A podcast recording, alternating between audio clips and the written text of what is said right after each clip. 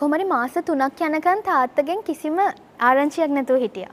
අම්ම ඇන්ඩුව සෑහෙන්න හැම තැනම හෙව්වා කරා ඉති ඒක ලොකු අමිහිරි අත්දැකීම. තරු දෙන්න අරව දෙන්න මේවා දෙන්න කියලා වෙනම නර්තනයක් ඒක. මනස නිදහස් කරගන්න එදේ කරලා වෙන්න ඇති. මංගේ අනන්‍යතාවය රැකගන්න ඔබට ප්‍රතික්ෂේප කරන්න පුළුවන් ශක්තියක් තියෙනවා. ඇඳුම් නිසා මට මගෑරුණ නිර්මාණ තියෙන. මට කොච්චර ගානක් දෙනවා කිව්වොත් මම මගේ ප්‍රතිපත්තිය කඩන්නේ මේ ෆීල්ඩ් එක තුල. අපේ පක්ෂයේ සමාජිකයෙක් වෙන්න අපි වෙනුවෙන් පෙනී ඉන්න ලෝකේ තියෙන හැම සැම සම්පතක්ම දෙනවා කිව්වොත් දේශපාලනයට නම් ගෑවෙන්නේවත් නෑ මදුක. ඇය කොණ්ඩෙ දිගට දාලා හැම උදේම එනවා. පාට පාට මල් වැටිච්ච සාරි අඳිනවා. පොත් මිටියයි කුඩේ යතේ නෑ වරදින්නේ. එයාට අපි ටීචර් කියලායි අමතන්නේ. ටෙලිනාට්‍ය ශේත්‍රයේ මෑත කාලයේ ජනප්‍රියතම ටීචර්, ජනප්‍රියතම ගුරුවරිය දමිත්‍රි සුබසිංහ. අයිබෝවන්. අයිබුවන්. ඇත්තටම කවුද දමිත්‍රි කියන්නේ? දමිත්‍රි කියන්නේ සරලවම කිව්වොත්. සතුටින් ජීවත් වෙන්න කැමති කෙනෙක්. හැම මොහොතෙම සතුටින් ඉන්න කැමති කෙනෙක්. සරලයි ගොඩක්. ටිකක් අහිංසකයි කියලා කට්ටිය කියනවා. බලාපොරොත්තු තියාගෙන ඉතින් බලාපොරොත්තු වලට යන කෙනෙක්. දමිත්‍රි කියලා තියෙනවා අර වෙනසීමට මුලයි මුලාමතක වීම කියලා. ඒකින්ද මුලින්ම අපි මුල මතක් කරමු දමිත්‍රි. අනිවාර්යෙන්ම. මම මුලින්ම මත මුලින්ම මතක් කරන්න ඕන දේ තමයි මදුක මගේ පාසල. මොකද පාසල කියලා කියන්නේ හැමෝගෙම පළවෙනි ස්ථානය. ඉතින් මම පාසල් ගියේ කොළඹ ශාන්ත පවුලු බාලිකා විද්‍යාලයට.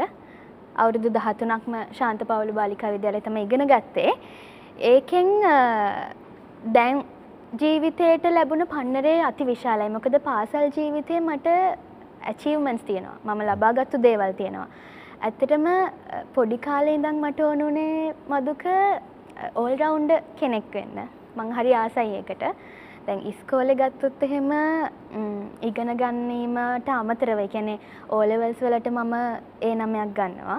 O levels වලට ඒ නමයක් ගන්නවා. ඊට පස්සේ 2013 2014 වර්ෂවල පාසලේ උපප්‍රධාන ශිෂ්‍ය නායිකාව වෙනවා.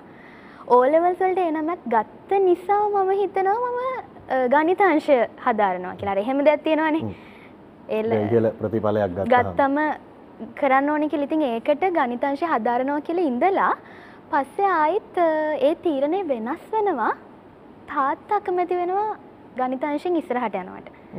පැති තුනක් තිබ්බා. මම ගණිතාංශයෙන් කැමති වුණා. තාත්තා කිව්වේ කොමර්ස් කරන්න. අම්මා කිව්වේ ආර්ට්ස් කරන්න. දැන් ඔය තාත්තා අකමැති වෙන්නේ මොකද විශේෂ හේතුවක් තිබුණාද? හේතුවක් තිබ්බා මොකද තාත්තා ගණිතාංශයෙන් තමයි උසස් පෙළ හදාarලා තිබ්බේ.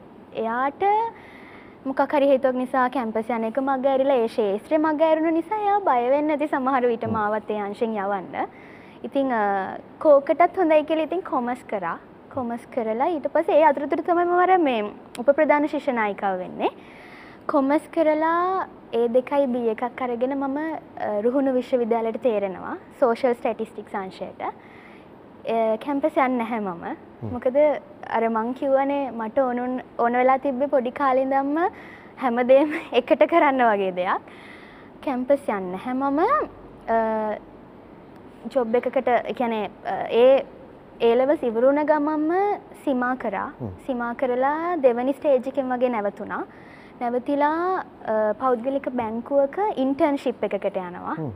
ඊට පස්සේ ඔය අතරතුර ඉස්කෝලේ 6 වසරේ ඉඳන් ඩාන්සින් ගෲප් එකේ ඉන්නවා. ඉතින් ඊට පස්සේ පෞද්ගලික බැංකුවක ඉන්ටර්න්ෂිප් එකක් කරනවා මාස 3ක්. පස්සේ ආයිත් ඒකෙන් පස්සේ මට පෞද්ගලික ආයතනයක මල්ටිනේෂනල් කම්පැනි එකක සප්ලයි චේන් මැනේජ්මන්ට් ඩිපාර්ට්මන්ට් එකේ හොඳ ජොබ් එකක් හම්බ වෙනවා. ඒක කියන්න ඕනේ මොකද ඒක සප්ලයි චේන් මැනේජ්මන්ට් කියන්නේ මොකද ආෆ්ටර් ලෙවල්ස් මම සප්ලයි චේන් මැනේජ්මන්ට් කියන්නේ මොකද්ද කියන දේ ඇත්තටම මට ඒක ගැන අදහසක් තිබ්බේ නැහැ. හැබැයි මගේ රිසල්ස් ඒවත් එක්ක වෙන්න ඇති මට කොහොම හරි ජොබ් එක හම්බ වුණා. හම්බ වෙලා මම ඒක හරි ආසාවෙන් හැමදේම ඉගෙනගෙන ඒක අභියෝගයක් මට ජීවිතේ. පළමු රැකියාව. නෑ පළමු රැකියාව පෞද්ගලික බැංකුව අංශයේ ඉන්ටර්න්ෂිප් එක.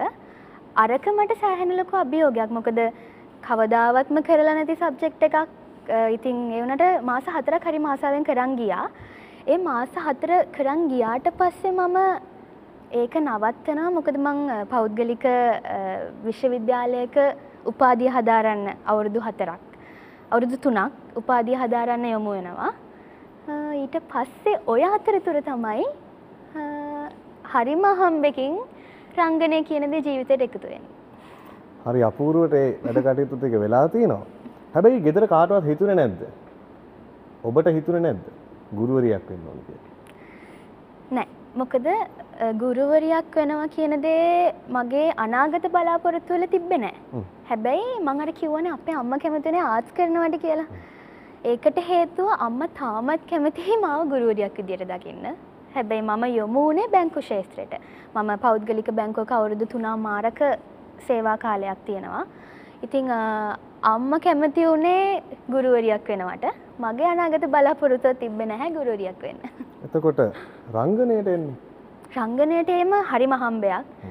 ඇත්තම කතාව මදුක චූටි කාලේ මම අ, හය වසරේ ඉඳන් ඒ ලෙවල්ස් වෙනකම්ම ඩාන්සින් ගෲප් එකේ ස්ටේජ් එකේ ඩාන්ස් කරලා තියෙනවා. හැබැයි එක දවසක්වත් මම වේදිකාවේ රඟපාලා නැහැ. ඒ කියන්නේ පාසල් සමයේ. නෑ. එක දවසක්වත් එක පාරක්වත් මම වේදිකාවේ පාසල් සමයේ අ, ඒ අවුරුදු 13ම එක දවසක්වත් මම වේදිකාවක රඟපාලා නෑ. ඉතින් අ, ඒකයි මං කිව්වේ හරිම අහම්බයක්. මොකද ඉස්කෝලේ යන කාලෙවත් ඉස්කෝලෙන් පස්සෙවත් මගේ කිසිම අදහසක් තිබ්බේ නෑ රංගනයට එකතු වෙනවා කියලා. අ, උසස් අධ්‍යාපනය හැදෑරුවෙත් වාණිජ්‍ය අංශයෙන් ඒ හැමදේම එහෙම වුණේ. හා, හැබැයි ඉතින් අ, ලියවිලා තියෙන්නේ නැති. පාසලේදීත් ඒ ගමනට ආසාවක් තිබුණේ නැහැ. ඔබ කියනවා පාසලෙන් පස්සෙත් එහෙම අදහසක් තිබුණේ නැහැ. එතකොට දෙයිනේ කොහොමද මේ රංගනයට ආවේ? පළවෙනිම රංගනයට එන්න එකම හේතුව දෙරණ අවුරුදු කුමරිය. දෙදස් දහනමේ මම දෙරණ අවුරුදු කුමරි පළවෙනි ස්ථානය ලබා ගන්නවා. ලබා ගත්තට පස්සේ ඒකත් අම්මගේ උමනාවට. ඒ කියන්නේ අම්මා කලාවට හරිම ලැබි. එයා හරි ආසයි. මාව ටීවී එකේ දකිද්දිත් එයා හරි ආසයි. ඉතින් අ, එයාගේ මගේ ආසාව තිබ්බා. කුම- අවුරුදු කුමාරි තරඟයට දානවා කියලා. හැබැයි අම්මගේ ලොකුම ආසාව නිසා මම තරඟයට දැම්මා. පළවෙනිය වුණා. ඒකෙන් පස්සේ විශේෂයෙන් මතක් කරන්න ඕනේ අපේ ලක්සිරි වික්‍රමගේ. සර්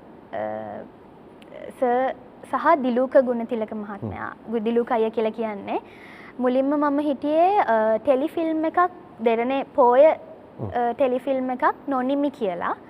ඒකෙන් පස්සේ තමයි පාවෙලා වලාකුලේ විදම්මා ඊට පස්සේ විහාරා ඉස්කෝලේ. දැන් ජනප්‍රියත්වයට පත් වෙලා තියෙන ගොඩක්ම විහාර ටීචර් කියලා. මේ චරිතයට කොහොමද ඔබ දැන් රංගනයේ හුරුවක් නැති වුණා? අවුරුදු කුමාරිය හරහා තමයි මේ රංගනයට ප්‍රවිෂ්ඨ වෙන්නේ. ඒතකොට ටීචර් කෙනෙක් වගේ චරිතයකට ඔබ හුරු වෙන්නේ කොහොමද? සෑහෙන මහන්සියක් වෙන්නේ නැති. මදුක මෙහෙමයි ලොකු මහන්සියක් වෙන්න උන්න මට අර ලොකු ආයාසයක් දරන්න ඕනේ නැහැ ඒ චරිතෙට හැඩ ගැහෙන්න. විහාර කියන චරිතෙට හැඩ ගැහෙන්න.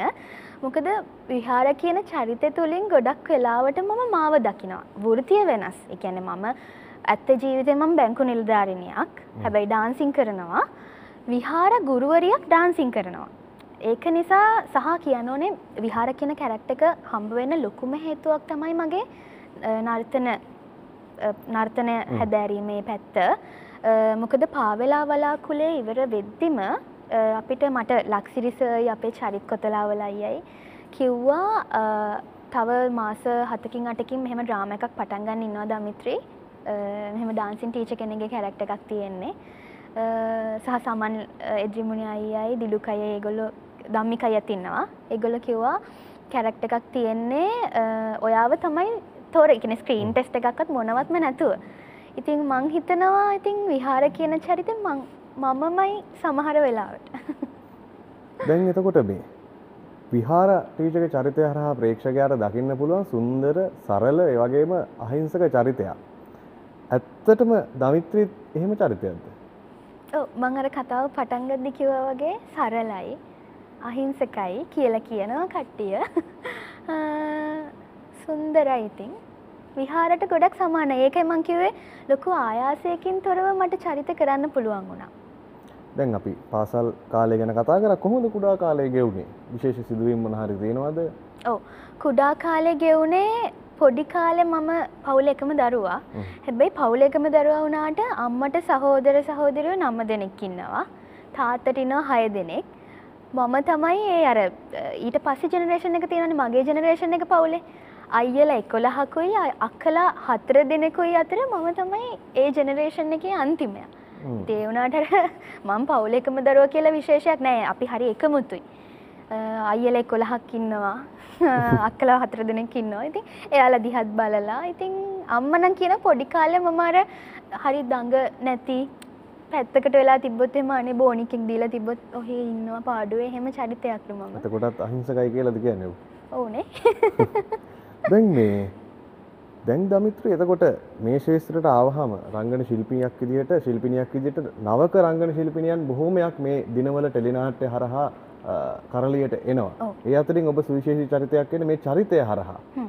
ඔබ හිතනවාද මේ චරිතය හරහා ඔබට ලැබුණු දේවල් මොනවාද?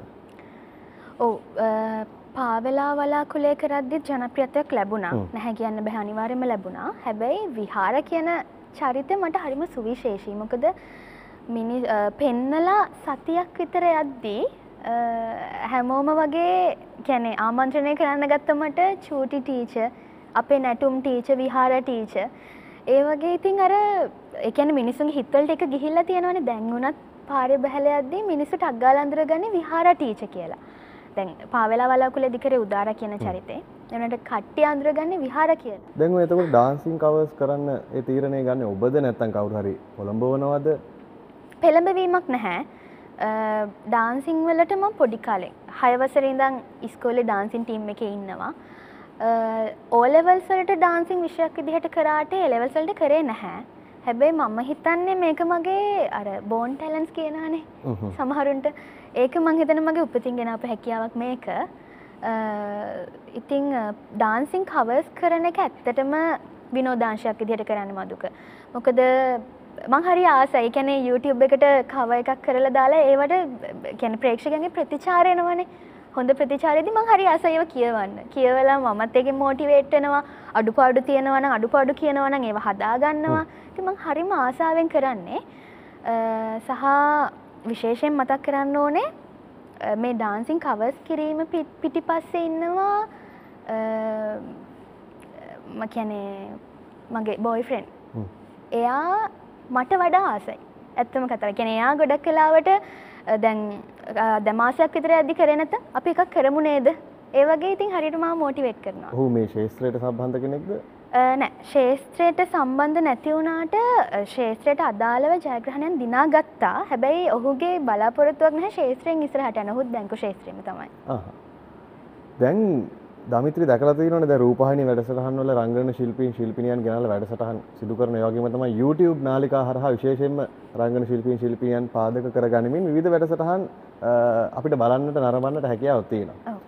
සාමාන්‍යයෙන් මේ වැඩසටහන වල මොනවාද අහන ප්‍රශ්න? මේක තමයි මදුක පළවෙනිම වැඩසටහන මම විවෘතව මෙච්චර දිග උත්තර දුන්න ඔබ ඩාන්සින් කවර්ස් කරනවා. ඒ වගේම තමයි දැන් ටෙලිනාට්‍ය හරහා සුවිශේෂී චරිත ඉදිරිපත් කරනවා. මම ඒ වලින් බැහැර වෙලා විහාර ටීචර් කියන චරිතෙන් බැහැර වෙලා පාවෙලා වලාකුලේ ඒ විදම්මා එකේ චරිතෙන් බැහැර වෙලා ඔය ඩාන්සින් කවර්ස් වලින් බැහැර වෙලා. ඔබේ පෞද්ගලික දෙයක් ගැන මෙතන කතා කරොත් ඔබ කැමතිද? සමහරක් වෙලාවට ඒක මෙහෙමයි දැන් මගෙන් දැන් මගෙන් අහන ප්‍රශ්න මට ඒ වගේ දේවල් අහනවන. එකෙන අතිශය පෞද්ගලික දේවල්. එතකොට අර උත්තර දෙන අකමැති දේවල් සමාජයට අපි පෙන්වන්න අකමැති දේවල් තියෙනවනේ. ඉතින් එහෙම දේවල් මං කියන්න එකන හැමෝටම පෞද්ගලිකත්වයක් තියෙනවනේ. ඔබට ඔබ කැමති නම් කියන්න පුළුවන්. ඕ ඒක ඇත්ත. ඕ ඒක තමයි දැන් මම කැමති නම් මට කියන්න පුළුවන්. අතිශය පෞද්ගලික නම් මම කියන්නේ නෑනේ ඒක වෙන කෙනෙක් ඇවිල්ලා ඔයා මෙන්න මෙහෙම කරා නේද කියද්දි ඉතින් මං හිතන්නේ එතකොට අපහසුතාවයකට පත් වෙනවා. ඔබ ඒකට එකඟ වෙන්නේ නැහැ. ම්ම්, එහෙම වැඩසටහන් තියෙනවා. හැබැයි මං හිතන්නේ ඒක සමහරක් වෙලාවට වැරදි. වැරදි කියන්නේ අපහසුතාවයකට ලක්වන වෙලාවල් තියෙනවා. මම දැකලා තියෙන සමහරක් වෙලාවට ප්‍රෝග්‍රෑම්ස් වල ඒ කියන්නේ අපහසුතාවට ලක් වෙනවා ඉතින් දැන් ඒ පිරිස් වැඩිපුරම ටාගට් කරන්න මේ ඕඩියන්ස් එක මේ සමාජ මාධ්‍ය ඉන්න පිරිසනේ. සමාජ මාධ්‍ය පරිශීලනය කරන ඒ ග්‍රාහකයා වෙනස්. ඔවුන්ගේ සිතුම් පැතුම් වෙනස්.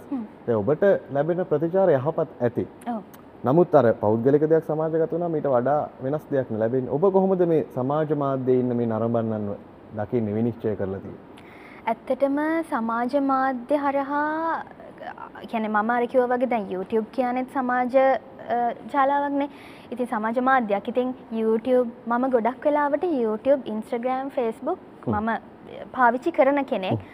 ඉතිං මං අර කිව්ව වගේ එකැනේ ලංකාව ගත්තොත් සමාජ මගේ අදහස කියන්නේ සමාජ මාධ්‍ය කියලා නැහැ මිනිස්සු හැමෝගෙම අදහස් සෑහෙන වෙනස්. මම දරන මතය නෙමෙයි ඔයා දරන්නේ ඔයා දරන මතය නෙමෙයි වෙන කෙනෙක් දරන්නේ. ඉතින් සමාජ මාධ්‍ය හරහා මම දකින විදිහට අපිට ඒ අදහස් දැනගන්න පුළුවන් වෙනවා.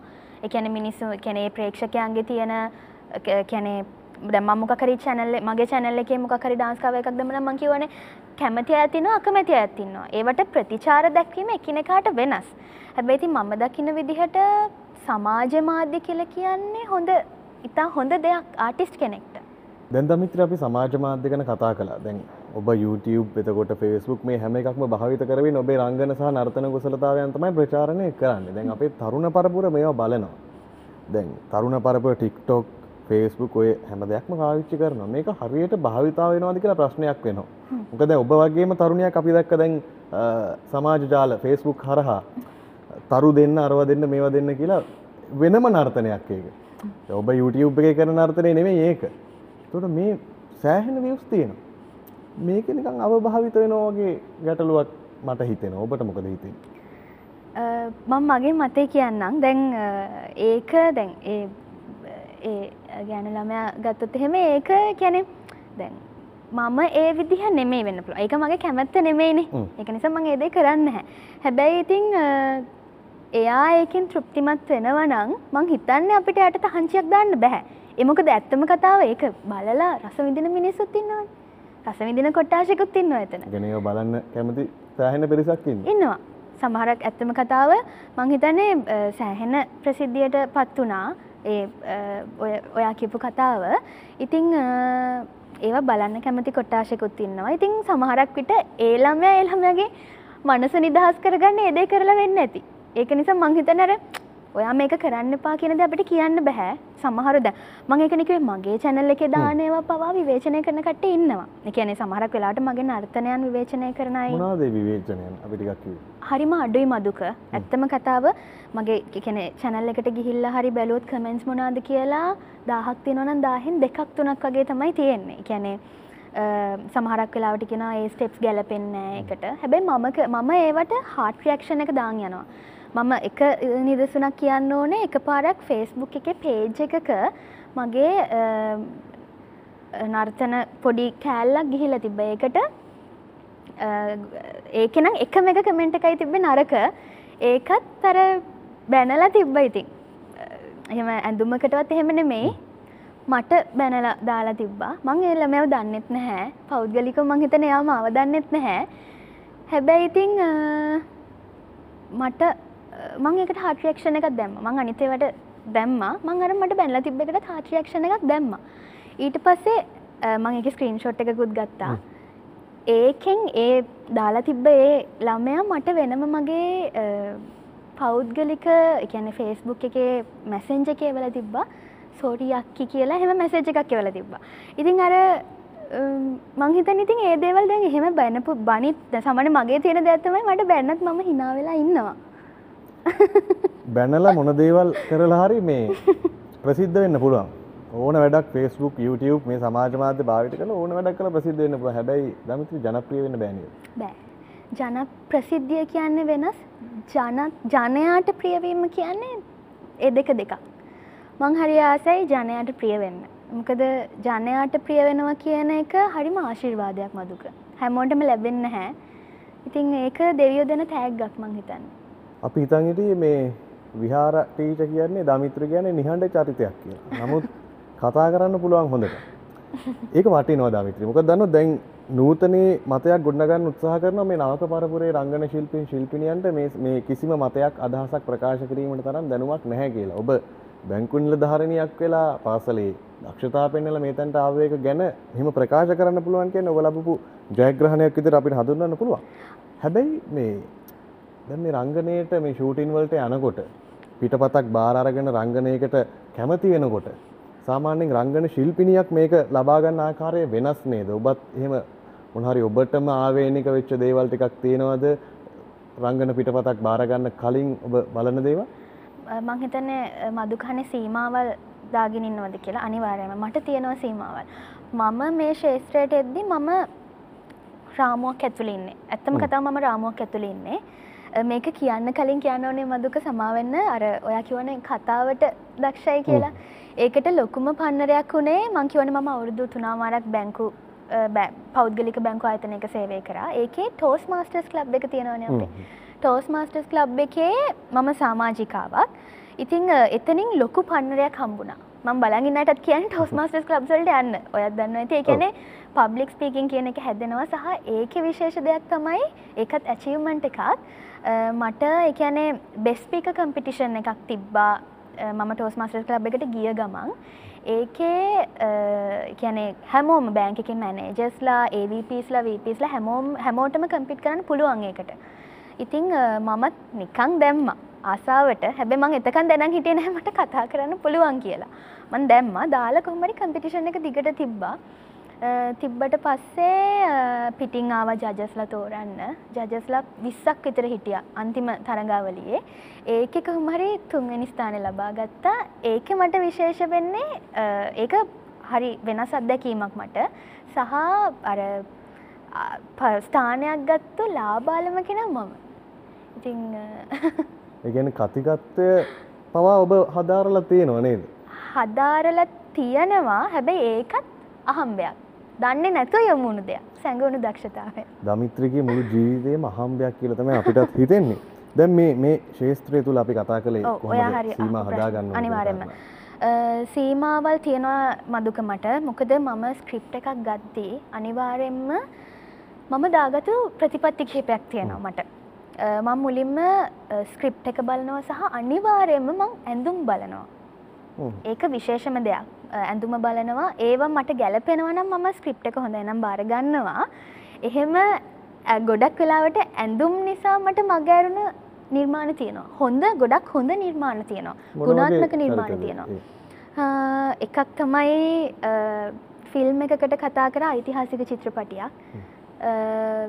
ඒකට ඩාන්සිං ඒ දේවලුත් එක මං හිතන මට හොඳටම ගැලපෙන චරිතයක් ඒක. මං මොකද කියලා නොකිය ඉන්නම් ඒ චරිත මේන් කැරක්ටකට පළවෙනි ෆිල්ම් එක මට කතා කරපු. ඒකේ තිබ්බ එකනර ඓතිහාසික ඇඳුම අපි අඳින්නේ කියන්නේ සාමාන්‍යයෙන් ටියුබ් එක. එහෙමනේ. ඉතිං අ, ඇත්තටම අ, නිර්මාණ ගොඩාක් හොඳ නිර්මාණයක්. ඒ වුණාට ඉතින් අ, මට ඒක ප්‍රතික්ෂේප කරන්න වුණා ඇඳුම නිසා. එකන්නේ නිර්මාණය කෙතරම් වටිනාකමක් වුණත් තමන්ගේ අනන්‍යතාවය රැකගන්න ඔබට ප්‍රතික්ෂේප කරන්න පුළුවන් ශක්තියක් තියෙනවා. අනිවාර්ය මට කොච්චර ගානක් දෙනවා කිව්වොත් මම මගේ ප්‍රතිපත්තිය කඩන්නේ මේ ෆීල්ඩ් එක තුළ මං හිතන්නේ මේ ෆීල්ඩ් එක තුළ විතරක් නෙමෙයි. ගෑනු ළමෙක් කියන කෙනා අ, ඕනම තැනක රැඳිලා ඉන්න නම් හොඳ නමක් දිනාගෙන ඕනම ශේත්‍රයක තමන්ට ආවේනික වුණ අ, රාමුවක් හදාගත යුතුමයි. මේ ශේත්‍රය තුළ එක විශේෂයි. ඔබ අපේක්ෂාවගෙන චරිත තියනොත් දැන් ගුරුවරියගේ චරිතයට අමතරව දැන් චරිතාංග රංගන ශිල්පියක් වෙන්නනි දැන් හැමෝම කල්පනා කරන ඔව්. ඔබ මොන වගේ චරිත රඟපාන්න ඉදිරියට අපේක්ෂාවකින් මං හරිම ආසයි ඒ කියන්නේ අර මං කිව්වා වගේ ඓතිහාසික කැරක්ටර්ස් අපි හිතමු ඇහැලේ පුල කුමාරි හාමි. එතකොට අර ඒ වගේ චරිතවලට මං හරි ආසයි. ඒ වගේ චරිතයක් හම්බෙනවා නම් අර ප්‍රතිපත්ති වලට මාව ගැලපෙනවා නම් මං අනිවාර්යෙන් බාර ගන්නවා. එකන ඓතිහාසික වුණත් ඒකෙදි තමන්ගේ ප්‍රතිපත්තිය කැඩෙනව නම් බාරගන්නේ නෑ කියන එක නෙබ කිය කොහෙත්ම නැහැ. දැන් විශේෂ මේ ප්‍රතිපත්ති ගෙන කාරණාව ගැන කතා කරපු නිසා දැන් අර තියෙන්නේ ගෙයිගිනි පිටට දෙන්න එපා පිටගිනි ගෙට ගේන්න එපා කියලා. දැන් ඕක රංගන ශේත්‍රය ඉතාමත් වැදගත්. පවුල් අවුල් වෙච්ච කතා තියෙනවා අපිට වැඩක් නැහැ. නමුත් මේක රංගන ශිල්පිනියක් විදියට ඔබ ප්‍රගුණ කරලා තියෙන්නේ කොහොමද සහ හැම ගැටලු ඇති වෙලා තියෙනවද? මොනවාද මේ ශේත්‍රය තුල දැනට ඔබට ඇති වෙලා තියෙන සිදුවීම්? ඇත්තටම දුක එහෙම අර ලොකුවට දැන් මම තාම අවුරුදු දෙකක් විතරනේ ශේත්‍රයට ඇවිල්ලා මට එහෙම ලොකුවට එහෙම කියන්නේ මම දන්නා ඉන්නවා. ඒ කියන්නේ දන්නා කියන්නේ ප්‍රශ්න ඇති වෙලා එහෙම කට්ටිය ඉන්නවා. ඒ වුණාට අ, මට එහෙම ලොකුවට අත්දැකීම් වලට මුහුණ දෙන්න වෙලා නැහැ දැනට. දෙයියන්ගේ පිටෙන් තාම නැහැ. ඒ වුණාට මෙහෙම දෙයක් තියෙනවා. කියන්නේ ඉස්සරහට යද්දී ඉතින් අ, ප්‍රශ්න එන්න පුළුවන් හැබැයි මම හිතන්නේ මම ශක්තිමත් ඒවට මුහුණ දෙන්න. මං අර කියපු දේ තමයි. අ, ස්වයං විනය කියන දේ, සෙල්ෆ් කන්ට්‍රෝල් කියන දේ. මං හිතන්නේ මට 110ක් තියෙනවා. ඉතින් අ, ඒක දැන් ගොඩක් අය ශේත්‍රයට එද්දි ඇත්තම කතාව තමයි අපේ තාත්තා එතකොට බාප්ප විශේෂයෙන් කැමති වුණේ නැහැ ශේත්‍රයට යනවට. අම්ම කැමති වුණා ඒ දෙන්න කැමති වුණේ නැහැ මොකද අ, මේ ෆීල්ඩ් එක ගැන හැදිලා තියෙන කෙනර අපි පිටින් බලද්දී හිතන දේවල් තියෙනවනේ මිනිස්සුන්ට ඒ තැන හරි නැහැ කියන දෙයක් හැදිලා තියෙනවනේ සමාජේ. හැබැයි මම හිතන විදිහට මේ තැන හොඳ නැති තැනක් නෙමෙයි. මෙතනට එන කාටවත් බෑ ලේසියෙන්. ඒ කියන්නේ හැමෝටම හම්බෙන දෙයක් නෙමෙයි මේක. 100ක් හිටියත් 100න් එක්කෙනාටයි මෙහෙම තැනකට එන්න පුළුවන්. ඒක වාසනාව, එතකොට හැමදේමත් එක්ක එකතු වෙච්ච දෙයක්. මෙතනට ඇවිල්ලා හොඳ සෙල්ෆ් කන්ට්‍රෝල් එකක් තියෙනවා නම් මේ තැන හොඳ නැති තැනක් නෙමෙයි. ඔබේ චරිතයෙන් වෙනත් ප්‍රශ්නයකට මම ප්‍රවේශයක් ගන්න දැන් චරිතය ගුරුවරියනේ. දැන් ඔබේ පාසල් ජීවිතේත් ඔබට ගුරුවරියන් ගුරුවරුන් රාශියක් හම්බෙලා ඇති. දැන් මේ ගුරුවරිය කියන චරිතේ පිටපතකින් එන ගුරුවරියට වඩා ඇත්ත මේ සත්‍ය ඇත්ත ගුරුවරිය එන්න විශාල මහන්සියක් වෙනවා. අනිවාර්යයෙන්ම. අධ්‍යාපනය ඊට පස්සේ උසස් අධ්‍යාපනය මේ හැම දෙයක්ම කැප කරලා තමයි ගුරුවරියක් වෙන්න පුළුවන්. මොකද ඔවුන් තමයි අපි හරි පාරේ ගෙනියන මාර්ගෝපදේශකයන්. ඔබ මොකද හිතන්නේ දැන් මේ මෑත කාලේ අපිට දකින්නට පුළුවන්. මම කියන්නේ ඔබටත් මතයක් තියෙනවා මටත් මතයක් තියෙනවා හැමෝටම මතයක් තියෙනවා. ඒ ගුරුවරයා කියන චරිතය එක පක්ෂයකට කණ්ඩායමකට නතු වුණොත් ලඝු වුණොත් ඔබ කොහොමද ඒක දකින්නේ? මගේ මතේ හැටියට ඒක සම්පූර්ණයෙන් වැරදි. මන් දන්නේ මගේ මතේ හැටියට. මං කියවනේ ඕන කෙනෙක්ට හැම- හැමෝටම තියෙනවනේ ඔයා කිව්වා වගේ. මට තියෙන්න පුළුවන් වෙන මතයක් බලන් ඉන්න ප්‍රේක්ෂකයන්ට වෙන මතයක් තියෙන්න පුළුවන්. හැබැයි මම දකින විදිහට ගුරුවරයා තමයි ගුරුවරයා විශේෂයෙන් ගුරුවරියක් ගුරුවරයෙක් තමයි හැමෝම බිහි කරන්න. හොඳ තැන සමාජයක් බිහි කරන්නේ. ඒ කියන්නේ ඩොක්ට කෙනෙක් ඉංජිනිය කෙනෙක් එතකොට බෑංක කෙනෙක් ඒ හැමෝම බිහි කරන්න මූලිකම පදනම ලබා දෙන්නේ ගුරුවරිය හෝ ගුරුවරයා. ඉතිං අ, දැන් චරිත හැටියට මම ස්ක්‍රිප්ට එකට හැටියට මම ගුරුවරියක්. හැබැයි අර කිව්වා වගේ සෑහෙන මහන්සි වෙලා කැප කිරීම් කරලා තමයි ඒ තැනට එන්නේ. ඒ තැනට එන්න අ, හේතුව මං හිතන්නේ ගුරුවරයෙක් වෙනවා කියන එක අදිෂ්ට ඒ කියන්නේ අරමුණ තමන්ට සල්ලි හම්බ කර ගැනීමම විතරක් විය යුතු නැහැ. මොකද සමාජයක් ගොඩ දාන එක 50-50 තියෙන්න ඕනේ මං හිතන්නේ. කියන්නේ ආදායම ලබනවා සහ මම මේ මගේ දැනුමෙන් රටක් පෝෂණය කරනවා කියන දේ තියෙන්න ඕනේ. එහෙම කෙනෙක් අ, වෙන කියන්නේ තමන්ගේ පෞද්ගලික හේතුවක් නිසා හෝ රටේ පවතින තත්ත්වයක් නිසා හෝ අ, පක්ෂයකට නතු වෙනවා කියන එක වැරදි. ඒක ගුරුවරියන්ට වගේම රංගන ශිල්පීන් ශිල්පිනියන්ට එනවා. මොකද අපි දන්න විදිහට අපේ විතරනේ ලෝකෙම රංගන ශිල්පීන් ශිල්පිනියන් දේශපාලනයේ නිරත වෙනවා. ඔබට යම් කිසි පක්ෂයක් ඇවිල්ලා යෝජනා කළොත් අපේ පක්ෂයේ සමාජිකයෙක් වෙන්න අපි වෙනුවෙන් පෙනී ඉන්න වෙළඳ දැන්වීම හෝ වෙන මොකක් හෝ ක්‍රියාකාරකමක පක්ෂ සමාජිකත්වයක් අරගෙන කටයුතු කරන්න කිව්වොත් ඔබේ පිළිතුර මොකක් වෙයි? ලෝකෙ තියෙන හැම සැම සම්පතක්ම දෙනවා කිව්වොත් දේශපාලනයට නම් ගෑවෙන්නවත් නෑ මදුක. ඒක තමයි ඇගේ පිළිතුර. ඔබට ඔබේ ජීවිතේ අමතක වෙන්නේ නැති සිදුවීම් මොන හරි තියෙනවද? ජීවිතේ කුඩා කාලයේ හෝ මේ කාලේ අමිහිරි වෙන්නත් පුළුවන් මිහිරි වෙන්නත් පුළුවන් මොන හරි විශේෂ මතකයක්? විශේෂ මතක තියෙනවා. හැබැයි මේක කවදාවත් මම නොකියපු කතාවක්. මොකද මගේ තාත්තා හමුදා සේවකයෙක්. හ්ම්. එයා එයාට ගොඩක් මර මම කිව්වනේ පවුලේ කියන්නේ අර ගණිතාංශයට යොමු වෙන්නේ නැති වෙන්නත් හේතුව එයා සමහරට හමුදාවට යොමු වුණා වෙන්නේ නැති මොකක් හරි හේතුවක් නිසා. ඉතින් අ, අමිහිරිම අත්දැකීමක් තියෙනවා මදුක. තාත්තා යුද්ධ කාලේ එයා මිලිටරි පොලිස් තමයි හිටියේ. යුද්ධ කාලේ එක මම පොඩි එතකොට. මට ලොකු තේරුමක් නැහැ. අම්මා අ, කොහමරි මාස තුනක් යනකන් තාත්තගෙන් කිසිම ආරංචියක් නැතුව හිටියා. පලාලි හිටිය තාත්ත එතකොට ආරංචියක් නැතුව හිටිය. මාස තුනකට පස්සේ තමයි තාත්තගෙන් ආරංචියක් ආවේ ප්‍රශ්නයක් නැතුව ඉන්නවා කියලා. අර ඒ මාස තුන මං අම්මව දැක්කනේ. මං පවුල එකම දරුවා. එයාට ඉන්න එකම හයිය තාත්තා. ඉතිං අ, මමත් පොඩි. අ, ඉතිං අ, ඒ ඒ- ඒ- ඒක මට පොඩි වුණත් මට දැනුන අම්ම ඇන්ඩුව සෑහෙන්න හැම තැනම හෙව්වා කරා. ඉති ඒක ලොකු අමිහිරි අත්දැකීමක්. ඒක සහ මිහිරි අත්දැකීමක් තමයි ඉතිං අ, දෙරණ අවුරුදු කුමාරි පළවෙනි ස්ථාන දිනපු එක අනිවාර්යෙන්ම.